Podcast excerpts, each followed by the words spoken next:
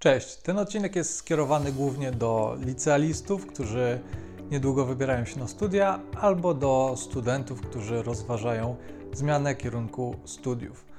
Opowiem o tym, jak wyglądają studia językowe w praktyce na przykładzie lingwistyki, którą studiowałem i ukończyłem. Opowiem o tym, czy warto w ogóle iść na takie studia, dla kogo będzie to dobry wybór, e, jakie są perspektywy po takich studiach i wspomnę też o tym, czym się różni lingwistyka od filologii. Zanim przejdę do tematu, zachęcam Cię do subskrybowania tego kanału. Jeśli uczysz się języków obcych, na pewno będzie to świetna decyzja, bo regularnie publikuję tutaj wartościowe treści, które z pewnością pomogą Ci w nauce. Zachęcam Cię również do zapisania się na mój darmowy kurs e, dla poliglotów. Link do niego znajdziesz w opisie. Przejdźmy już do dzisiejszego tematu. Mm, na początek może opowiem Ci tak w skrócie, jak e, wyglądała moja historia.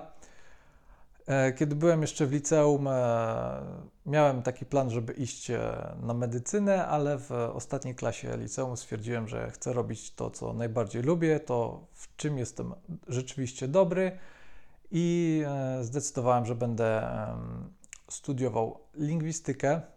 Mm, nad filologią raczej e, się nie zastanawiałem, wiedziałem, że to raczej powinna być lingwistyka, później e, wytłumaczę dlaczego. Dostałem się na lingwistykę stosowaną na Uniwersytecie Warszawskim e, z językiem francuskim jako pierwszym, jako drugim angielskim. Te studia ukończyłem, zarówno licencjackie, jak e, i magisterskie. Teraz tak w, skrócie opowiem Ci, jak te studia e, wyglądały, jakie były ich e, plusy i minusy. Oczywiście zastrzegam tutaj, że opowiadam o tym, jak to wyglądało w moich czasach. Nie było to tak dawno temu, ale być może od tamtego czasu coś się zmieniło. Muszę przyznać, że pierwsze dwa lata e, były zdecydowanie najgorsze, zdecydowanie najtrudniejsze. Było bardzo dużo nauki, dużo niepotrzebnych przedmiotów, których e, tak naprawdę można było uniknąć, bo życie pokazało, że do niczego mi się one nie przydały. Były to jakieś takie dziwne przedmioty typu współczesne tendencje w glotodydaktyce czy coś takiego. Była też pedagogika, która była obowiązkowa dlatego, że no jest to kierunek, który kształci między innymi nauczycieli, więc jest to w pewnym sensie zrozumiałe, ale ja nie uważam, żeby to było jakoś specjalnie przydatne. Była też e, literatura, która do niczego mi się nie przydała tak naprawdę.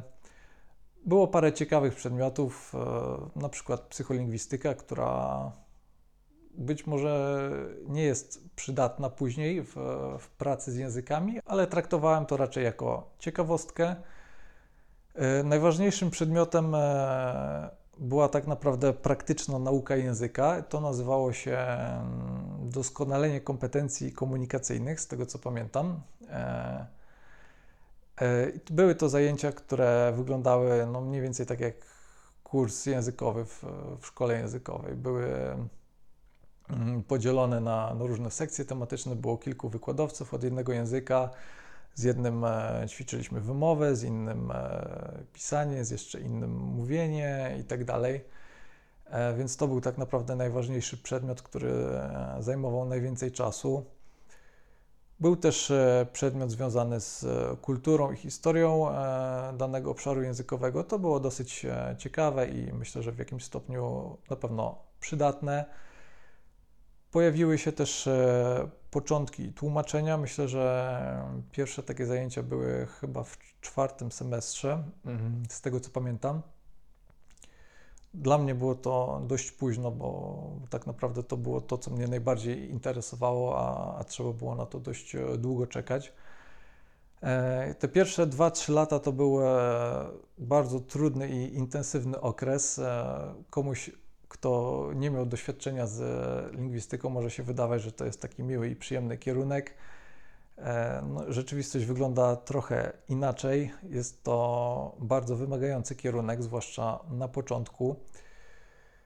Te pierwsze 2-3 lata e, studiów to był bardzo trudny czas, kiedy praktycznie nie miałem czasu na, na życie towarzyskie, na jakieś przyjemności, na rozwijanie pasji, podróżowanie i tak bo po prostu te studia wymagały bardzo dużych nakładów czasu, a ja chciałem jakoś przetrwać w, z niezłymi ocenami przynajmniej, więc, e, więc musiałem poświęcać na to dużo czasu i przeważnie weekendy wyglądały tak, że odrabiałem prace domowe na kolejne zajęcia, bo było ich tak dużo. Bywały takie dni, kiedy zajęcia trwały cały dzień od 8 e, do 8, od 8 rano do 8 wieczorem e, z jednym tylko okienkiem gdzieś w środku.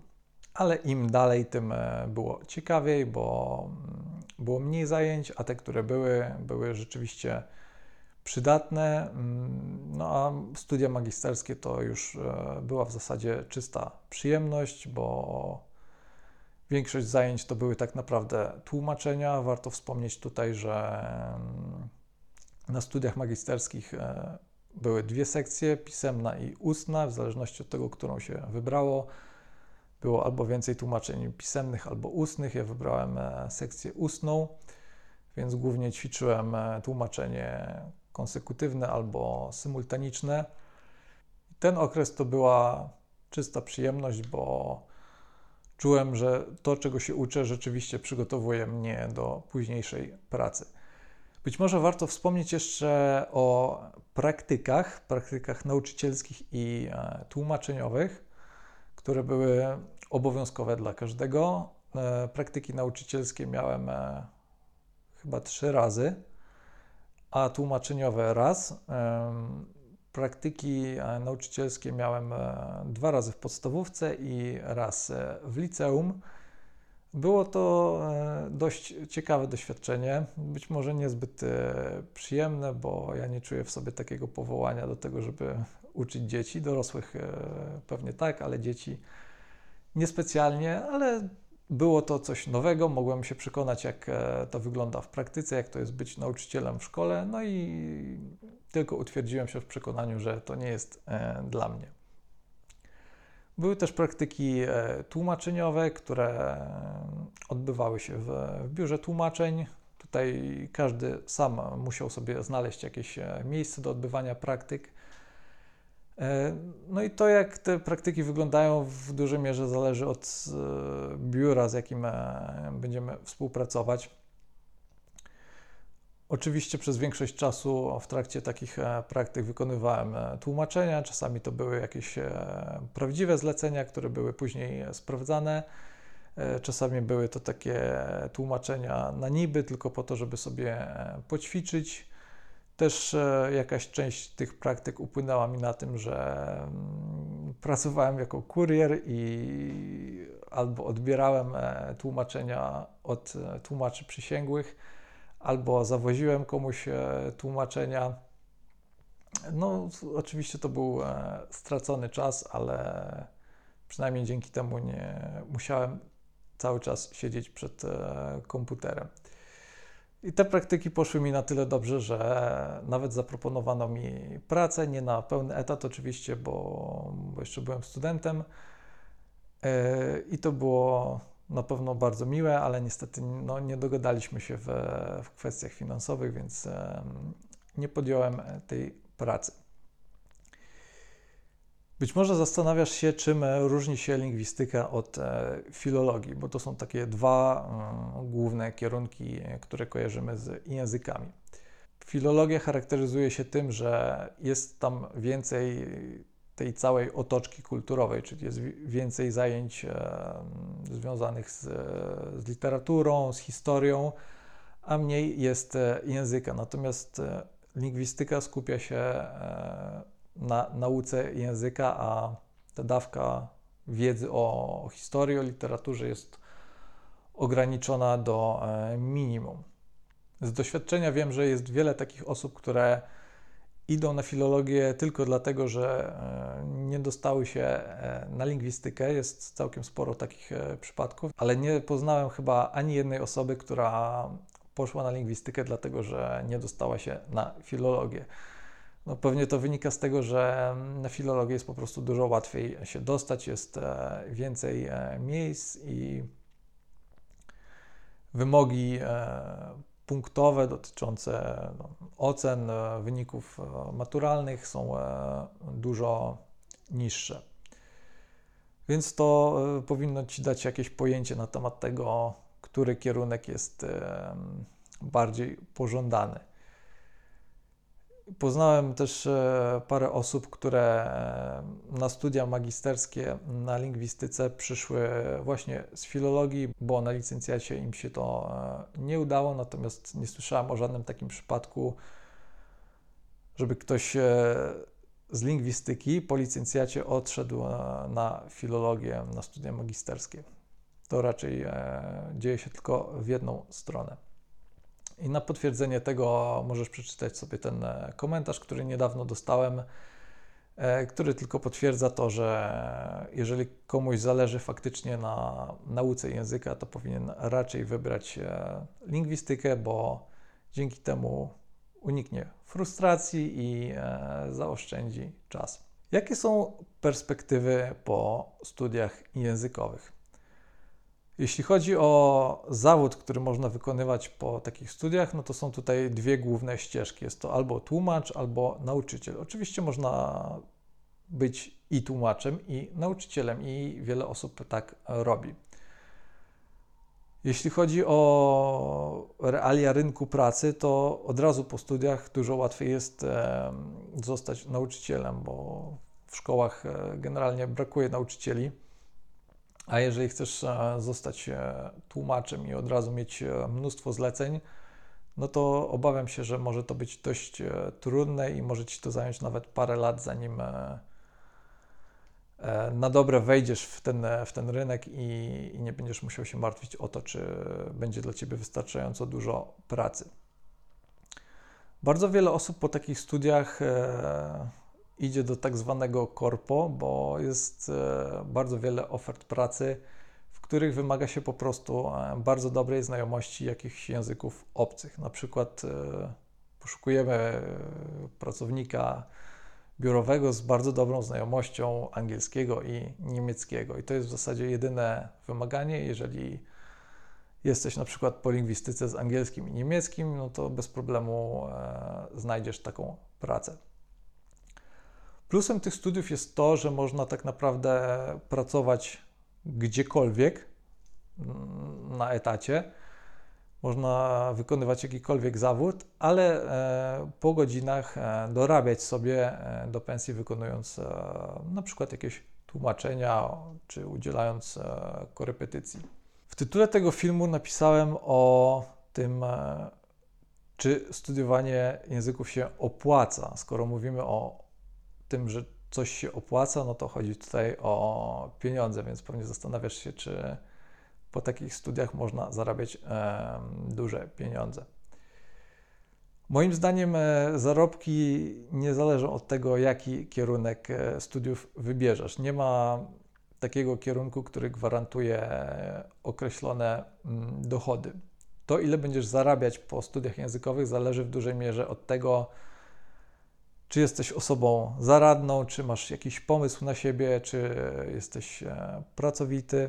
To są moim zdaniem te najważniejsze rzeczy, a, a nie to, że po prostu masz dyplom e, ukończenia studiów na danym kierunku. Są osoby po studiach językowych, które zarabiają bardzo dużo, a są też takie, którym e, ledwo wystarcza do pierwszego, więc jeżeli chcesz iść na studia językowe z taką myślą, że te studia na pewno zagwarantują ci wysokie zarobki, to możesz się po prostu rozczarować. Dla kogo są studia językowe? Na pewno dla osób, które wiedzą, że chcą pracować z językiem, czyli chcą być e, albo nauczycielem, albo tłumaczem. Myślę, że oczywiste jest to, że jeśli chcesz wykonywać jeden z tych e, dwóch zawodów albo oba, to Twoja znajomość języka obcego musi być e, nienaganna i właśnie studia językowe dają Ci szansę, żeby nauczyć się dwóch języków obcych na bardzo wysokim poziomie. ale jeśli chcesz po prostu poznać jakiś język obcy bardzo dobrze i chcesz go wykorzystywać w mniejszym stopniu niż nauczyciel czy tłumacz, to takie studia mogą nie być najlepszym wyborem. Ja wybrałbym raczej e, kurs językowy, bo po prostu ogrom tej teorii, tej, tej całej wiedzy, która jest związana z nauką samego języka, może cię po prostu przytłoczyć i, i poddasz się, bo dojdziesz do wniosku, że tobie tak naprawdę to nie jest potrzebne. No i będziesz miał rację, oczywiście. Mówi się często, że studia językowe to jest e, najlepszy darmowy kurs e, językowy.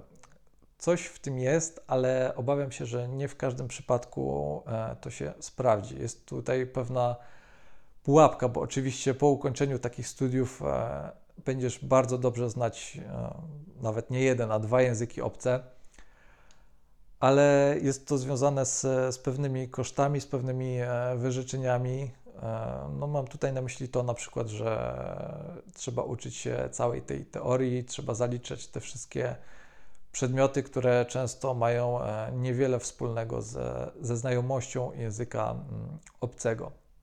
Więc e, gdyby mnie nie interesowała praca z językiem, gdybym nie chciał być nauczycielem ani tłumaczem, wolałbym raczej zapłacić za jakiś kurs językowy niż e, iść na studia językowe i marnować e, dużo czasu na to wszystko, czego tak naprawdę nie będę potrzebował. To tyle. Jeżeli masz e, jakieś pytania, na które nie odpowiedziałem, możesz śmiało napisać je w komentarzu. Na każde takie pytanie postaram się odpowiedzieć najlepiej jak potrafię. Przypominam o tym, że warto subskrybować ten kanał i zapisać się na mój darmowy kurs ABC Poligloty. Do zobaczenia w kolejnym odcinku.